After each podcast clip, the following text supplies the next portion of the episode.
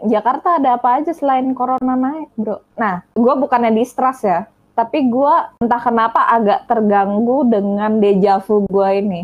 Jadi pada tahun lalu, Hmm. gue pernah berdiskusi tentang angka corona naik. Waktu tahun lalu itu sempat mau uji coba sekolah tatap muka ya kan. Itu bulan apa ya? Gue lupa bulan apa, gue pernah ngomong juga, maksudnya pernah berdiskusi ini sama beberapa temen gue, dan waktu itu habis berita itu muncul, langsung berita meledaknya kasus corona di Jakarta tuh langsung gempar kayak saat ini. Apa deket-deket lebaran juga ya?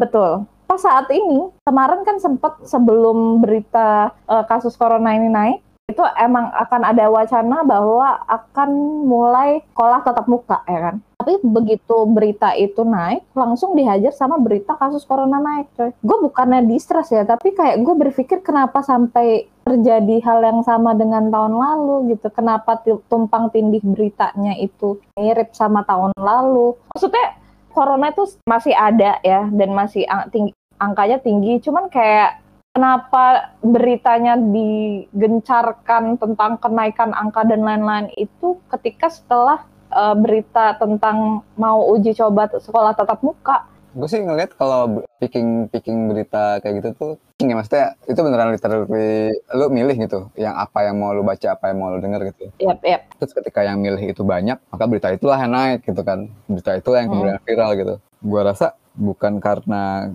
si berita sekolah tatap muka ini mau naik, lalu kemudian si berita ini muncul lagi gitu. Tapi kenyataan bahwa pas tatap muka mau dilanjutkan gitu, memang lagi banyak kasus aja di sekitar orang-orang. Jadi circle-circle dekat tuh mulai mulai banyak yang bertumbangan terus akhirnya baru orang mulai nyari lagi nyari lagi tuh kan bener ternyata memang lagi naik gitu emang lagi naik kayak gitu. bisa jadi kalau positifnya kan seperti itu gue kayak curiga suuzon sama pemerintah Bahwa yang semakin hari semakin bertele-tele gitu. Gue udah susah untuk husnuzon atau berprasangka baik gitu loh. Gue sekarang tuh prasangkanya buruk terus gitu sama pemerintah. Makanya kenapa kan habis ini kita ngobrol sama dokter nih ya. Yoi, Asik. asik. Enak ya bridgingnya Yoi. ya.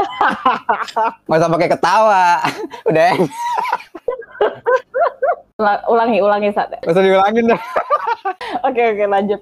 Ya jadi kan kita nanti eh, habis ini bakal datengin seorang dokter. Nah di sini kita bakal ngobrol-ngobrol tentang kasus corona di Jakarta khususnya dan juga tentang penanganan-penanganan serta ini kayaknya ya kita ngobrolin vaksin deh. Gue tuh penasaran banget sama vas- Iya. eh, vaksin karena gue rencananya mau daftar tapi takut nih sama AZ.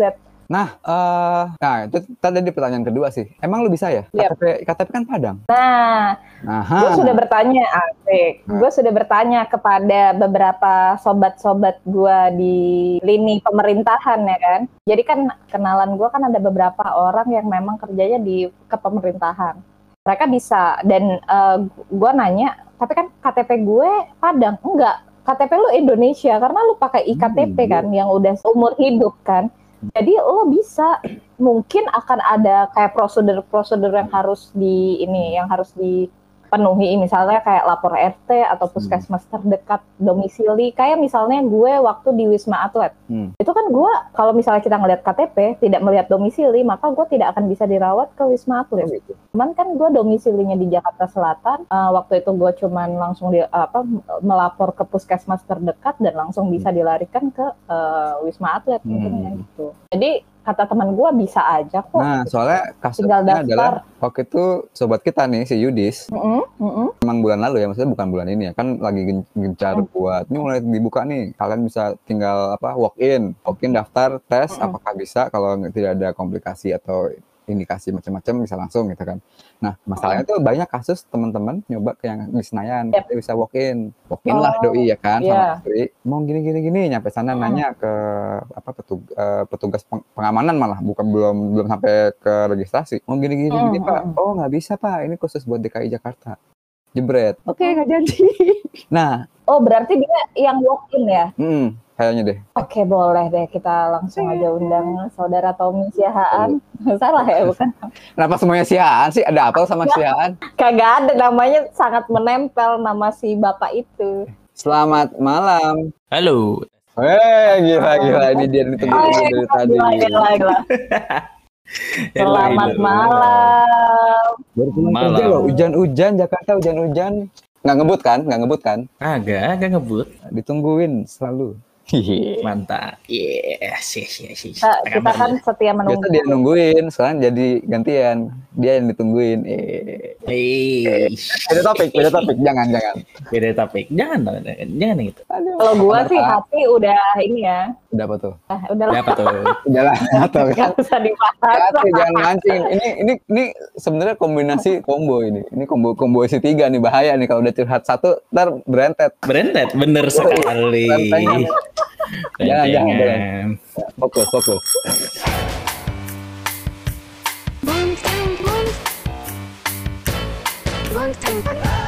Telah hadir bersama kita semua Bapak yang sangat super ya. Gimana gimana super? Super banget. Udah kalah lah Superman tuh kalah, Supermi kalah. Anjay. super apalagi iya kalah semuanya ini paling super mega mega super gitu karena orang tuh udah banyak lah yang tahu Tommy mah Sahabat Yoi. semua orang. Iya. sahabat semua orang Gimana? Sahabat. Kebetulan kenal aja. Siapa nggak kenal dia? Itu jadi masalah. Kalau kesel ke mana aja. Siapa yang nggak kenal Tommy gitu ya nggak? Anjay. Aduh. Coba kenalan dulu. Oke. Iya kenalan dulu Salam kenal semua para pendengar boncengan. Eh, nama gua Tommy, lebih lengkapnya Masa Tommy karena jadi unik sendiri kalian bisa nyari dan harusnya munculnya gue doang. Yoi, yoi bener. Harusnya ini munculnya namanya- gue doang. kayak namanya nggak yakin gitu ya masa Tommy Nama gue sesuai tercantum sesuai KTP kok dan kartu keluarga. KTP. Iya, itu fun fact kedua tuh. Wow. wow Bukan bukan nama yang diwibukan, tapi beneran nama gue sesuai KTP. oh, nama KTP lu masa Masa- Tommy gini Masa Tommy? Tommy gitu Iya. wow Kamu wibu ya? Emang KTP-nya begitu namanya. ini kayak nama di komunitas lo gitu masa Tommy gitu Makanya gue kalau gue lo nyari nama gue, kalau gak nongolnya gue, biasanya nongolnya orang Jepang langsung. Iya bener sih Paling kacau sih temen gue baca dojin, karakternya namanya nama gue. Oke, lanjut lagi ya. Gua gua sebenarnya kuliahnya di eh, kedokteran. Eh, kampusnya kampus yang di seberang McD di Salemba. oh, Biar gak nyebut. Tapi nyebut aja lokasinya. Iya, Nah, yang jaketnya kuning bukan udah lupa sih taruh di mana. gue udah gue udah Jaketnya gue di mana aja. Oke oke oke. Nah, cuman di situ kayak gua itu cukup menikmati apa ya komuti kom- eh, interaksi-interaksi online. Jadi gue banyak join ke community-community, ngobrol sama ya temen sehobi gitu kan. Karena gua ini tipikal tipikal, your typical nerd lah kalau di nerd atau wibu di zaman SMA gitu kan. Jadi yang begitu ada teman ngobrol yang nyambung, wih gitu-gitu tuh. Itu membawa gua ke mana-mana. Termasuk nih temenan sama para pembawa acara kalian ini nih. Tapi lu kan udah prak eh bukan praktek ya, jadinya apa internship gitu ya? Internship itu supaya gue dapat izin praktek, tapi secara gelar gue udah dokter sekarang. Nih Bapak dokter, sekarang kan COVID kan merajalela nih, ya kan? Lagi naik lagi nih angkanya katanya nih. Ya hari ini hampir 13.000 ribu. Nah, menurut lu nih, menurut personal opinion lu tuh tentang kondisi eh, coronavirus sekarang gimana sih? Kita What happening udah- sebenarnya? Kita udah di kondisi yang buah si malakama. Serba salah sebenarnya kalau menurut gue. Kita sebenarnya udah jalan berarti kurang lebih satu setengah tahun ya dari dari pertama kali ya. Anggaplah Januari tahun lalu. Iya, betul. satu setengah tahun itu di satu sisi gue ngerti orang-orang udah mulai bosen udah mulai apa jadi udah mulai keluar-keluar lagi tapi banyak juga yang denial dan orang kita itu range-nya luas banget masalahnya orang-orang kita itu dengan jumlah populasi yang banyak eh, dan range pendidikan yang sangat luas Hmm. dari yang rendah sampai yang tinggi tapi ada yang juga eh, generation gap yang belum bisa nyari informasi jadi masih gitu juga serba salah orang yang ngerti kelewat awas orang yang parno ada orang yang bodoh amat ada orang yang nggak percaya juga ada kita itu tuh susah banget jadinya ditambah Hmm. lagi pemerintahnya juga kurang tegas mereka selama ini menghimbau tapi ya udah himbau aja kalau nggak dilaksanain ya salah anda Distrust juga kepada pemerintah ya orang-orang ini ya. stres dan dan yang permasalahan adalah yang terima itu nanti yang hadapin itu sebenarnya bukan garda depannya adalah tenaga medis. Hmm. Kayak Nah, itu buat buat tambahan aja harian tuh lu dulu jaga lu dulu jaga IGD misalnya lu bisa pakai bisa pakai kemeja adem pakai celana bahan gitu kan Hmm. paling tutup tutup snelly dokter udah gitu. sekarang pakai hazmat berjam-jam udah gerah panas minum susah pakai masker juga kan Yap, betul. yang paling ribet apa kalau mau pipis Itu berarti ditahan. Wih, tahan atau lu kudu buka semua lagi Oh, kalau udah buka nggak usah pakai lagi kan? bisa sih tapi susah ya bolak balik lu kayak lu kayak Oh, Apa ya? ganti gitu bisa dipakai lagi kalau yang itu kan cuma bentar doang Hmm. Hmm. kalau yang kayak gitu yang buat oka yang buat Oh. operasi yang Hmm. steril Oh. Jadi- serba salah dan kalau misalnya kalian bilang ih pakai masker gak nyaman coba rasain pakai masker N95 didobelin lagi pakai masker lagi abis itu pakai face shield top itu panas tambah- banget kan. Tambah hazmat Kalau- yes Walaupun walaupun kayak lo di ruangan ber AC tapi kayak nggak berasa gitu kan. nggak berasa agak masuk soalnya Gila AC aja kagak masuk loh. Pantesan ya ketika gue kan gue sempat di Wisma nih ceritanya hmm. awal tahun 2021. ya lu seperti Wisma Nah itu gue tiap eh, lihat dokter tuh ya di balik sarung tangan plastiknya itu kayak basah gitu itu keringet tuh pasti tuh dan gue kayak kebayang panasnya di dalam hazmat itu kayak gimana. Iya, keringet itu. Dan lu masih Oh, selama selama selama masih nanganin ya lu tetap pakai gituan. Selama Hmm. shift lu.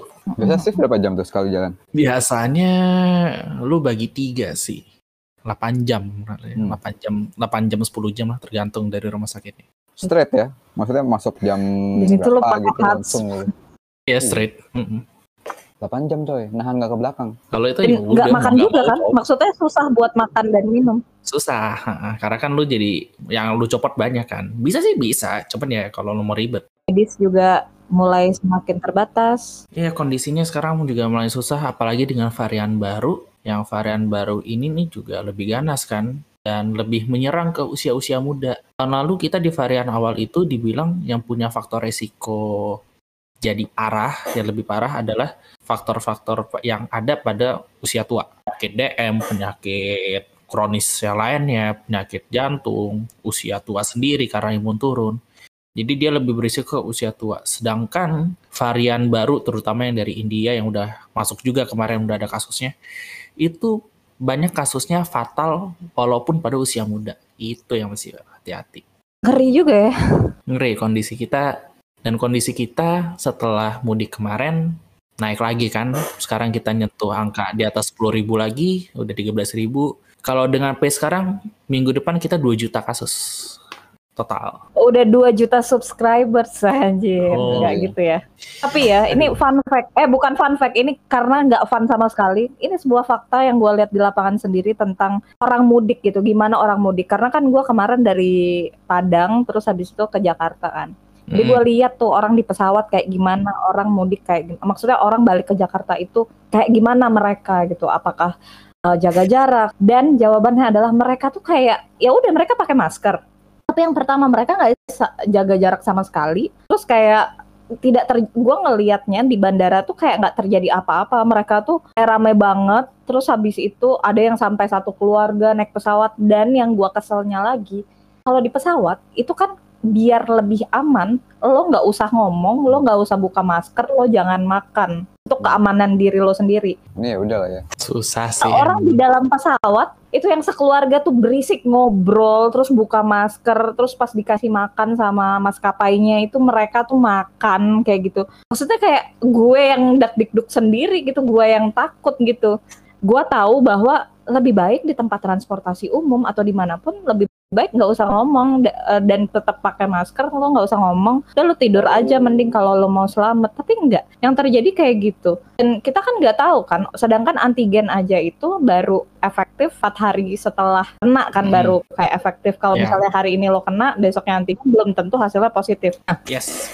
dan banyak kan dan banyak kan orang-orang gue tahu bepergian gitu naik pesawat atau ke mana pun kalau gue sebelum gue berangkat gue empat hari isoman antigen baru ke antigennya keluar gue langsung oh gue negatif ya udah gue mau berangkat. Cuman kan banyak orang-orang yang tidak seperti itu gitu loh Tom. Banyak orang-orang yang habis kelayapan ke mana-mana besoknya antigen terus habis itu besoknya tuh naik pesawat terus ya antigennya negatif. Tapi kan kita nggak tahu dia bawa apa dari kemarin dia pergi-pergi itu gitu. Nah dan itu gue lihat sendiri gitu. Dan banyak orang yang mulai distrust sama covid. Ada beberapa teman gue yang mulai kayak meragukan tentang coronavirus ini gitu. Karena banyak kayak misalnya ini kan virus tuh cuma dijadiin bahan politik doang dijadiin bahan kapitalis untuk apa namanya meraup keuntungan. Rumah sakit rumah sakit tuh banyak juga loh yang bohong yang meraup keuntungan dari ini gitu. Dan gua karena gua bukan orang yang ada di sana gua nggak bisa ngemukakan opini gua gitu. Gak lu gituin juga ada sekarang ya dengan kondisi yang bener aja. Semua ICU udah pada penuh. Bangsal udah gak ada penuh. Rumah sakit tuh sampai bikin bangsal sendiri khusus untuk COVID. Buat apa?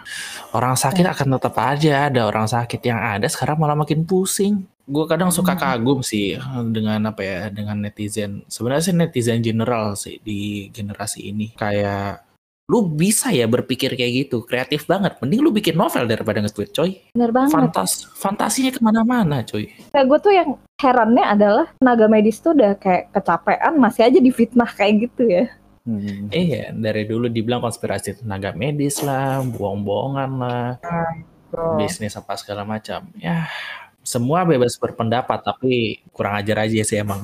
Kurang ajar ya.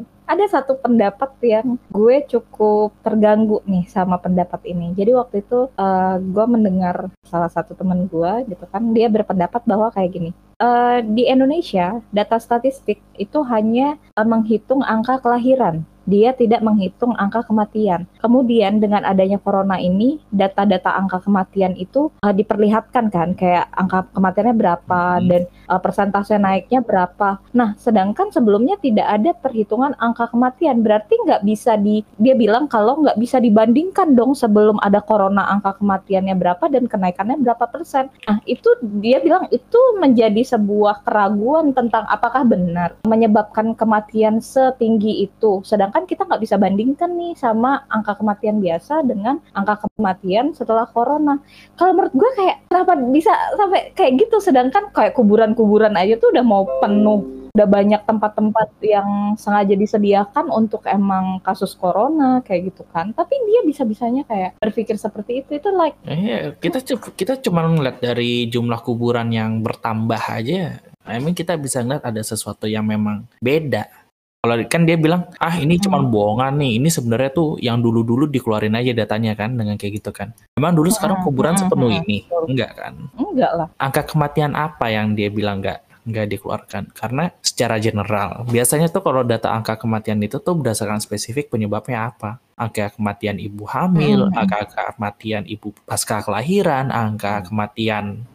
Karena penyakit A penyakit B itu ada sebenarnya. Mm-mm. cuman buat apa Ada, juga diumbar? Emang butuh datanya Ah, masyarakat. Iya iya iya iya iya iya. Ya. Kalau yang ini kan emang buat informasi untuk menggambarkan kondisi kita tuh sekarang kayak gini, kondisi COVID is real dan kondisinya sekarang begini, angka kasusnya begini. Ya emang di- makanya ditunjukin. Dan harusnya kita kayak ini dong eh, say thank you gitu. Karena data kematiannya ditunjukin. Karena bisa bikin kita apa namanya tetap waspada Tetap kayak gitu kan. Dan iya karena ini tuh nggak main-main loh si pandemi ini tuh. Dan eh, yang mati itu nggak sehari nggak satu dua orang gitu loh Iya. langsung jebret banyak gitu dan yang kena itu nggak satu dua orang sehari gitu karena gue agak terganggu ya sama orang-orang yang Allah covid ini tuh kayak flu biasa terus juga sembuh sedangkan gue pernah merasakan gimana rasanya yang tidak biasa itu nah ada satu lagi Mm-mm. pendapat yang mengatakan bahwa gini kak eh, jadi kesebut kak nggak maksudnya gini ul dia bilang gitu kan. Eh, karena kita itu udah tersugesti dengan bentuk-bentuk eh, gejala yang dipaparkan sama media akhirnya ketika kita merasakan penyakit yang seperti gejala yang kita tahu dari media itu lu tersugesti bahwa diri lu covid. Hmm. sugesti coba aja lu nggak tahu kalau gejalanya gini gini gitu gini gitu. Pasti lu nggak akan berpikir covid dan lu akan ya udah baik-baik aja. Dan gue kayak main blown gitu dengan pendapat seperti itu. Karena menurut gue apa? Ketika kita nggak tahu kalau kita covid dan kita kelayapan ke mana-mana itu kan justru berbahaya. Dan ketika kita tahu dan kita kena kita bisa tahu bagaimana eh, penanganan awalnya gitu tapi orang-orang yang tidak percaya ini atau udah mulai kehilangan kepercayaan ini kayak semacam ya itu sugesti lo aja. Lagian kalau misalnya lo kehilangan eh, penciuman atau panca indera lo itu Panca mungkin indera. karena mah atau misalnya karena asam lambung kan banyak penyakit-penyakit yang bikin lo hilang penciuman sama indera perasa kayak gitu loh sampai Hmm, ada yang berpendapat kayak gitu. Ada. ini pasti kayak Aduh. gatel kan kalau denger-denger kayak gitu Gue gak. gue yang bukan dokter gue cuma gue aja yang nggak dokter dan kayak eh, ngerasa bahwa hebat sekali mereka mem- memelintir sebuah eh, fakta kayak gitu. Gue ya makanya tadi gue bilang cukup lu lu lu lu coba bikin novel ya fantasi lu jago banget. gue sih untungnya kalau buka kalau gue buka Facebook atau sosmed gue sendiri ya teman-teman gue adalah orang-orang yang percaya dan orang-orang yang aware. Ada gitu mungkin yang satu dua perlu di sedikit diedukasi tapi most of it nggak ada lah yang kayak gitu. Hmm. gue gue jadi keyboard warrior sih kalau udah kalau nongol yang kayak gitu di timeline gue ketika gue ketemu sama orang kayak gitu dan langsung ngobrol gitu tuh susah banget. Gue tidak pengen mematahkan apa pendapat dia karena mungkin itu adalah pendapat dia. Tapi kadang-kadang tuh gue mikir kenapa lo berpikir seperti itu. Terus gue bertanya kan kenapa sih lo mikirnya kayak gitu? Kenapa lo punya distrust? Salah satunya adalah ya itu balik lagi dia bilang kita bisa lihat pemerintah ter- memanfaatkan fa- uh, pandemi ini seperti apa gitu. Kita bisa lihat ada permainan di belakang masalah vaksin lah, Hmm. masalah uh, apa namanya kayak rumah sakit dan lain-lain lah. Dia mulai distrust karena melihat politisasi di balik pandemi ini, Tom gitu. Dan akhirnya dia karena dia distrust, dia jadi mencari pembenaran-pembenaran kayak yang gue bilang tadi, pembenaran bahwa oh kalau lu anosmia itu nggak hanya karena covid kok. Oh lu ngerasa diri lu covid karena lu tersugesti dengan gejala-gejala yang dipaparkan oleh media kok. Covid itu cuma flu biasa kok. Lu diamin juga sembuh kayak gitu loh. Udah mulai banyak orang-orang yang berpikir seperti itu. Belum lagi tentang vaksin ya kan. Kalau menurut lu nih Tom, kalau menurut lu nih, sebenarnya kayak gimana sih cara terbaik buat mengedukasi orang-orang ini gitu? Kita udah Iya, setahun lewat loh. Iya, kita udah setahun lewat loh. kadang kadang tuh yang kayak gini-gini tuh enaknya lempar ke bangsal covid lu lihat sendiri rasain sendiri. Orang-orang yang lagi jelek yang di ICU pakai ventilator ya. Ya. yang napas sudah nggak bisa Hmm. jadi pakai mesin lo lihat sendiri. Terus eh, itu ini ekstrimnya ini ekstrimnya. Hmm. terus lo lihat sendiri lo mau nggak Hmm, lu lu atau anggota keluarga lo kayak gitu. Nggak mau udah pakai masker prokes. Itu ekstrimnya. cuman cuman sekarang ya ini itu yang tadi gue bilang di awal masalah apa kondisi covid di Indonesia dan kenapa itu sulit Hmm. karena kita tuh bahkan di Hmm. di ran- di level orang-orang yang jatuhnya educated pun banyak yang kayak gini educated terus malah bikin teori sendiri itu yang susah di selain yang kalau lo ke daerah mereka nggak percaya covid juga mereka merasa aman-aman aja itu karena nggak tahu tapi yang di educated pun ada yang kayak gini orang-orang kayak gini dan Denial. ya? Da- denial, uh-uh. denial dan saking pinternya jadi bikin teori sendiri. Menurut gue at this point the Benar. best thing that you can do adalah daripada lu ribut kusir gitu ya kayak tetangga, kayak ibu-ibu tetangga ribut di itu Mm-mm. tukang sayur ya. Hmm. Lu pakai masker aja udah. Sebenarnya gue tuh gue pinginnya tuh dari dulu gue tuh pingin lu nggak pakai masker. Ya udah sana kalau kena ya urusan lu. Sayangnya nggak bisa karena ini adalah sebuah pandemi dan covid itu sangat menular. Hmm. sayangnya nggak bisa. Karena karena gini kita dalam mengedukasi pun ada yang namanya tilikan. Ada yang namanya tilikan. Tilikan tuh kayak seberapa pasien tuh sadar akan penyakitnya. Hmm. ada namanya. Eh, dia denial dia tahu dirinya sakit tapi nggak spesifik penyakitnya dia tahu Hmm. dia sakit dia tahu penyakitnya tapi belum mau berobat dan ada Hmm. yang mau berobat kurang lebih levelnya kayak gitu ini ini orang-orang tilikan Hmm. satu tuh emang bikin sakit kepala dan dan masalahnya susah juga kita mau nanganin kita misalnya gini ya kita sebagai dokter kita resepin obat, kita edukasi. Indian yang menentukan kesembuhan si pasien itu adalah diikutin nggak? Nyampe rumah obatnya Hmm. diminum nggak? Hmm. Sarannya diikutin nggak? Hmm. Kalau ternyata dia nggak minum obat, nggak apa, terus datang lagi, dok kok saya masih sakit ya? Obatnya diminum nggak bu? Ya sama aja bohong dong. Sama kayak beginian. Kita maksudnya pemerintah pun sudah berusaha, dokter-dokter yang public figure, sekali pemerintah sekalipun udah berusaha mengedukasi. Tapi yang sulit adalah kalau cuman sekedar edukasi itu bisa diterima bisa enggak. Hmm. Jadi sebenarnya yang bisa dilakukan pemerintah kalau ya kalau dokter kan jatuhnya kan ya di ranah medis saja kan, bukan di keseharian kan. Harusnya dari pemerintah tuh bisa lebih tegas lagi. Lockdown, lockdown, lockdown, lockdown kayak dulu. Karena kita itu permasalahannya adalah terlalu nyantai. Kita denial bahkan di awal pemerintahnya. Kita Kalau masih kita- ingat sebuah statement dari seseorang itu ya. Dan, eh, dan kita minum dulu minum tolak angin inilah karena minum jamu apa segala macam. Kalau misalnya Ya, ya, kita ya. tanya, kalau misalnya ditanya apa langkah terbaik yang pernah kita ambil itu adalah Anis sebenarnya kalau menurut gua dalam pengamatan gua. Hmm. Anis adalah satu-satunya yang berani tegas pada saat itu lockdown. Diprotes sama pusat. Ngapain lockdown apa segala macam gini-gini. Waktu kita Mm. awal-awal tuh ada yang kasus yang di Depok kan, terus mulai Ya. banyak jebret Jakarta duluan. Setelah itu baru versi longgarnya PSBB, ya kan? Baru yang lain Ya, ikutan. Setelah kasus kita udah banyak. udah telat coy. Udah keburu Makin nyoba. banyak. Dulu gue ingat banget zaman itu tuh zaman itu tuh kita bener-bener di stay dua dua minggu kan? Kurang lebih dua minggu waktu itu di rumah. Dua minggu di rumah edukasi masker apa segala macam masa-masa awal tuh. Itu menurut gue satu langkah yang oke banget karena berani tegas dan nggak pakai babi bu nggak pakai nunggu jebret langsung. Itu pun diprotes. Oh nggak bisa lockdown. Nggak bisa lockdown harus nunggu dari pusat. Pusat dia nggak ngapa-ngapain malah bilang minyak kayu putih kayu putih bisa mengatasi covid gimana ya pusing Yang kayu putih diminum bukan sih? Nggak, dulu tuh eh, Kementerian Perhutanan bilang kayu Heeh. putih bikin kalung isinya tuh ya kayu Oh, iya, putih iya. basically terus katanya kalung anti covid. Iya iya iya. iya. Nah, kayak Itu gitu. emang terkonyol banget sih. Tapi emang banyak banget kalau penanganan di Indonesia tuh yang konyol-konyol itu banyak ya. Kalau menurut lo yang paling konyol nih tentang penanganan COVID di Indonesia tuh yang mana? buat gua salah satu eh, paling konyol itu masih kalau keputusan ya itu tuh kalung sih masih kalung covid. Lu atau sama ini masa yang kerja sih.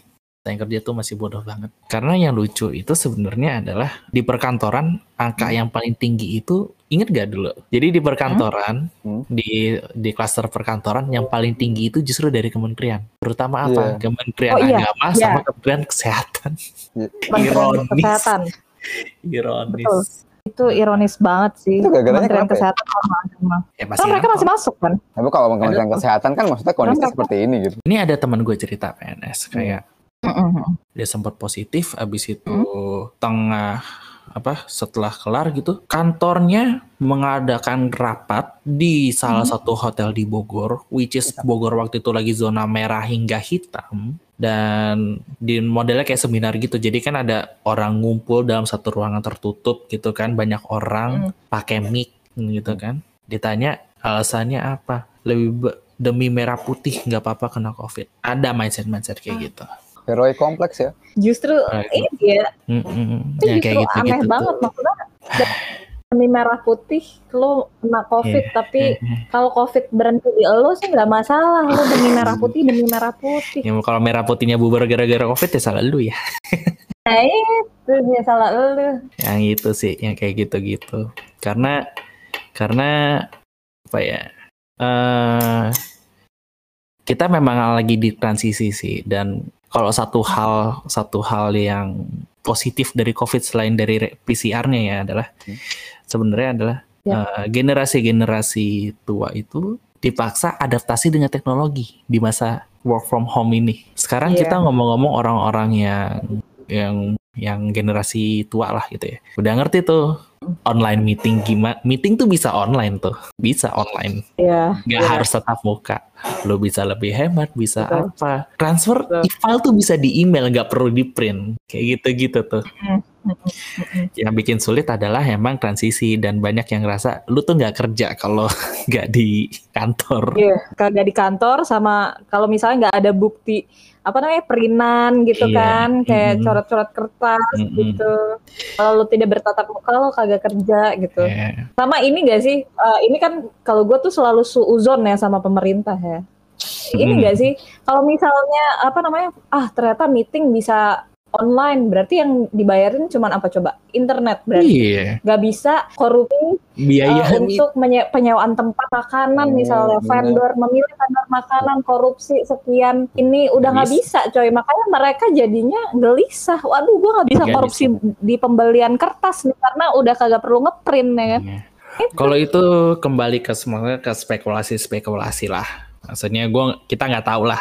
Kita ya kita nggak tahu lah eh, mereka tuh gimana gitu ya. Intinya dalam dalam sehari-hari pun belajar bisa online, lu meeting bisa online apa. Mereka dipaksa untuk beradaptasi kalau ya sekarang tuh udah bisa kayak gini. Lebih belajar lah. Jadi kayak HP tuh bukan cuma buat buka WA sama detik.com doang. Eh, eh, buka today doang gitu lah. satu lagi buka UC browser kalau bapak-bapak mah. Kalau kondisi sekarang, menurut lo nih, apa sih sebenarnya yang yang paling efektif gitu buat menahan laju? Kita tuh kemarin tuh udah oke loh sebenarnya. Angka kita udah mulai terkontrol sejak mulai vaksin dan orang-orang Hmm. sebenarnya udah mulai sadar kan. Awal-awal Januari Masker. atau sebelum Iya. ganti tahun? Awal-awal tahun ya kalau nggak salah ya. Kita tuh angkanya angkanya mulai Iya. turun kan ya. Walaupun sebenarnya ya ada Tempat konspirasinya lagi. vaksin. Ya, ada konspirasinya lagi terkait Hmm. data, but ya udahlah kemarin kondisi udah cukup membaik. Kita sudah kita pun sudah mulai bisa menerima kalau keluar tuh pakai masker ya udah kayak eh, something biasa gitu loh. Terus mudik lah, ceger, Nah, terus naik lagi. karena menurut gue ya masalah mudik ini juga nggak tegas pemerintah tuh Tom Iya. dia melarang mudik tapi pariwisata dibuka itu gimana Ya udah lo suka-suka mereka. Ya kalau misalnya lu bertanya, ah itu salah satu keputusan konyol juga dari pemerintah. Ya kalaupun misalnya, oke balik lagi ke pertanyaan Vian. Kalaupun misalnya itu Mhm. adalah best thing that you can do adalah lu jaga diri sendiri dulu aja lah dan orang di rumah. Lu kayak Hmm. mindset lu adalah lu mikirin kalau kalau keluar rumah, keluar rumah pun sekarang juga nggak bisa di ini ya, nggak bisa dicegah 100% ya. Lu pasti ada, Hmm. tetap ada kerjaan, tetap ada urusan gitu loh. Jaga kebersihan, jaga apa. Lu inget aja kalau lu kena, lu bisa bawa, lu mungkin fine-fine aja. Tapi yang di rumah lu yang lebih tua enggak. Orang tua lu, tante om lu gitu loh. Hmm. Lu bisa nggak sakit, tapi mereka. Dan jangan sampai lu nyesel. jadi tetap 5M 5M masker, Dia lupa. menjaga menjaga jarak jarak. masker, menjaga jarak, me- apa, mencuci tangan, males-malesan di rumah, enggak dong. menjauhi kerumunan, menjaga jarak, jarak. batasi mobilitas, memakai Oh, masker dan mencuci tangan. Oh, yang lainnya Oh iya. lainnya kayak gituan. Tetap jaga, tetap jaga. Hindarin Begitu. mengumpul, hindarin Ya. keluar kalau nggak perlu. Kalau keluar Oh. tetap pakai masker, jangan lupa cuci Betul. tangan. Kalau habis keluar saran gue mandi juga. Mandi, cuci baju. Anggap lu tiap keluar karena kondisinya sekarang pandemi ya. Lu anggap tuh lu keluar rumah itu tuh lu kepapar. Even Hmm. udara anggap aja itu ada. Jadi ya udah, nggak harus ada orang batuk, nggak harus ada orang bersin-bersin depan lu baru lu ngerasa oh ini kotor. Jangan. Wah super sekali emang. Data infeksi anak-anak kayaknya jarang dikeluarin juga ya. Sekarang sih masih general sih. Kasusnya juga jarang, jarang sih kalau untuk yang anak-anak kasus ke parah jarang. Biasanya yang tua yang udah punya penyakit eh, faktor-faktor U lah ya Hmm. sebutannya. Sama rate kita positif rate-nya udah 45 persenan ya sekarang ya Indonesia. Kita nggak sih nggak nyampe. Gak Nggak nyampe ya. Kita itu kasus COVID-nya dari saat ya kita 2 juta lah mortal- Indonesia. mortality rate-nya sekitar 4% berarti ya kurang lebih 4% 5%. Wow. Ini masih aja nih angkanya naik masih aja ada orang-orang yang kagak percaya bingung gue. Dan yang sekarang yang jeleknya adalah kita menghadapi lonjakan ini di saat kemarin tuh pemerintah udah pede untuk sehari-hari balik seperti biasa. What? Sekolah udah mau masuk kan katanya? Iya, tatap Hmm. muka udah mulai di beberapa Iya, sekolah. Iya betul betul. Nah, kemarin kan udah turun tuh. Kita udah di level-level 4.000, 5.000. Dari sebelumnya kita sempat spiking ke 10.000 kan. Iya. 4.000, 5.000. Terus tiba-tiba jebret. Tuh berarti harus dikaji Benar, ulang benar. juga tuh. Kalau misalnya masih dipaksain. Satu Sama lagi sih? keputusan konyol dari pemerintah. Yang tadi, masih maksain kantor dan sekolah masuk seperti biasa walaupun kondisinya sekarang lagi naik lagi. Lagi seperti ini. Mm-mm. Ini juga nggak sih Tom masalah edukasi tentang vaksin karena banyak Mm-mm. orang yang udah divaksin itu kemudian mereka pede keluar bahkan ada Ya. yang kan gue udah divaksin jadi nggak perlu masker. Iya. Jadi kalau menurut gue edukasi tentang vaksin sendiri juga nggak apa ya nggak nyampe Nah, belum merata Nah. gitu. Terkait kayak gini ya. Gue pengen nanya nih, Hmm? gue pengen nanya apakah ketika mereka divaksin mereka dikasih tahu nggak sih sama orang yang ngasih vaksin bahwa lo divaksin ini bukan berarti lo kebal coy lo tuh dikasih vaksin itu biar kalau misalnya lo kena nanti eh, apa gejala lo itu lebih ringan dari yang nggak divaksin dan kalau lo udah divaksin ini tetap pakai masker cuci tangan dan jauhi kerumunan ya mereka dikasih tahu nggak sih setiap orang yang divaksin tuh kayak gitu Gue pernah bantu-bantu vaksin dan sebenarnya kalau kayak gitu udah edukasi standar. Lu tetap patuhi, tetap dibilangin tetap Hmm. patuhi, patuhi prokes walaupun udah divaksin. Karena gini, Mm-mm. banyak yang ngerasa vaksin itu memberikan total immunity, 100% lu nggak akan kena itu lagi. Itu satu. Yang kedua, Wah, yang bahaya adalah menganggap vaksin itu adalah obat. Baru banget tadi siang gue share kan Hmm. satu artikel dari Kemenkes yang berkata vaksin terbukti efektif 90% nakes di daerah mana sembuh Hmm. dari COVID. Iya. Nggak gitu. mhm. Vaksin itu adalah eh, vaksin itu fungsinya untuk membentuk imunitas. Imunitas itu artinya apa? supaya pada saat eh, sebenarnya gini, tubuh lu itu tuh akan membentuk imunitas pada saat lu kemasukan apa ya? penyakit lah, penyakit yang disebabkan oleh apa? Virus. Iya, bakteri gitu. Makanya dulu eh, paling gampang ya contoh yang kita tahu adalah oh anak habis kena cacar biasanya nggak kena cacar lagi ya kan kalau cacar air tuh udah kena cacar oh lu, lu belum Iya. pernah kena ya oh hati-hati lu kena oh lu udah pernah kena ya oh ya udah aja gitu bisa kayak gitu kenapa karena setelah kita terinfeksi yang pertama tubuh kita memiliki imunitas imunitas terhadap virusnya si cacar Hmm. tapi kita Iya. tahu orang ada aja yang kena cacarnya lebih dari sekali, dua bahkan sampai tiga kali gitu loh. ada Nah, itu yang kita sebut apa? Betul, betul. Imunitas pada setiap orang itu berbeda-beda. Begitu juga dengan eh, imunitas yang lu dapat dari si vaksin ini, beda-beda juga. Lu nggak 100% kebal gitu loh setelah itu.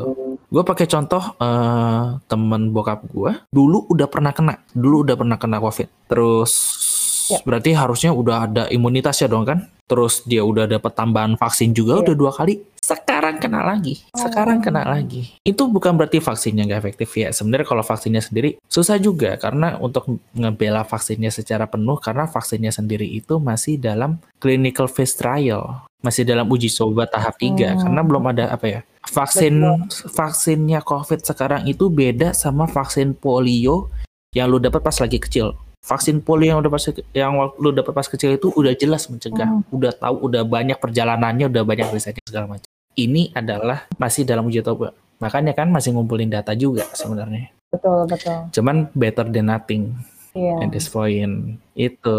jadi memang vaksin ini gunanya bukan lo jadi kebal ya. Iya, jadi jadi. emang tetap harus bukan uh, bukan lu jadi apa ya lu tot kebal 100% gitu loh. Lu lebih tahan kalau lu Iya, masuk tubuh lu tuh udah siap gitu ya. Jadi vaksin itu tuh jadi eh, vaksin tuh fungsinya Ya. adalah lu punya imunitas terhadap penyakit A tanpa lu perlu kena penyakit A. Tuh Hmm. fungsinya vaksin. Dia ngenalin penyebab bakterinya tanpa lu harus kena infeksi kalau Hmm. kena infeksi lu tuh sakit jadinya lu cacar lu demam apa segala macam iya gak enak. Ya udah dengan vaksin, tubuh lu dikenalin, tubuh lu bikin imunitas tanpa lu perlu ngerasain sakitnya. Itu fungsinya vaksin. jadi kayak udah tahu rasa patah hati sebelum patah hati gitu ya vaksin. Tapi bukan berarti lu gak patah hati lagi ntar. Jangan gitu dong. Iya gitu oke nah, nah kalau nih ini kalau lu Tom Heeh. Ini kan ada dua vaksin yang sedang beredar milih Sinovac Sinopharm. eh Sinovac itu sama-sama Sinopharm Sinovac sekarang. Sinovac, Sinovac, Coronavac sama sebenarnya. Intinya AZ. Nah, AZ. katanya kan AZ ini AZ. Mana yang nggak ada yang lebih bagus atau eh, ada yang lebih bagus atau lebih baik kita pilih yang mana? Saya milih vaksin serba susah sih. Ada yang bilang AZ pakai babi lah. Oke, itu dari satu. Maksudnya itu masalah ke- itu masalah kepercayaan juga ya. Adalah Tapi eh, dari sejauh Hmm. ini Sinovac eh, berhasil bentuk sih. Antibodinya kebentuk Hmm. pos Sinovac. Sekarang AZ mulai banyak kan. Cuman AZ ini sendiri memang lagi banyak bad reportnya ya kemarin-kemarin juga ya kasus anak muda Hmm. eh, jadi tromboemboli, jadi apa. Eh, dan yang gue lihat juga teman-teman gue yang habis dapat vaksinnya AZ itu kipinya tuh lebih kenceng. Hmm. Kipi itu apa ya? eh, kejadian iskutan pasca imunisasi. Nah, eh lu kalau diimunisasi ya lu demam, lu nyeri, lu apa itu tuh sebenarnya adalah reaksi yang wajar sampai tak sampai tingkat tertentu dan periode tertentu gitu loh. Kalau kelamaan juga nggak wajar. Nah, gua waktu abis divaksin fine fine aja, nggak apa-apa, paling sumeng-sumeng dikit gitu loh. Gue kebetulan waktu itu pakai CoronaVac dapatnya, Sinovac lah, sama aja. Iya. Dan yang teman-teman gue yang abis dapat AZ, kipinya pada kencang-kencang semua. Bukan Lino demam doang, panas gitu.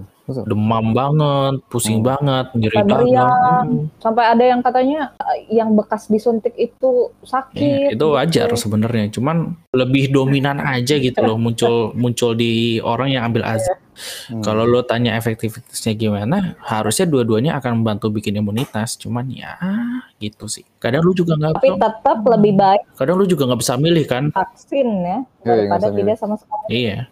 Kadang lu juga nggak bisa milih soalnya kan kesempatan vaksin itu kan biasanya dari kantor kan. Kantor lu dapatnya ya ya ya, ya, ya, Hmm. kantor sekarang eh, besok lu vaksin ya. Ya, vaksinnya apa lu juga baru tahunya pas nanti pas udah divaksin. Kita tidak bisa memilih Iya. di sana, Itu. hanya bisa pasrah. But again tadi better better lu divaksin daripada nggak sama sekali. Better. eh, tapi kalau sebelum vaksin itu kita di screening dulu kan? Screening pasti. Itu yang dulu gua bantu-bantu di meja screening. Jadi Hmm. Ditanya, dilihat tensinya Hmm. berapa. Lo nggak boleh tuh di Hmm. atas tensinya ketinggian di atas 180 nggak boleh. Terus ada penyakit apa?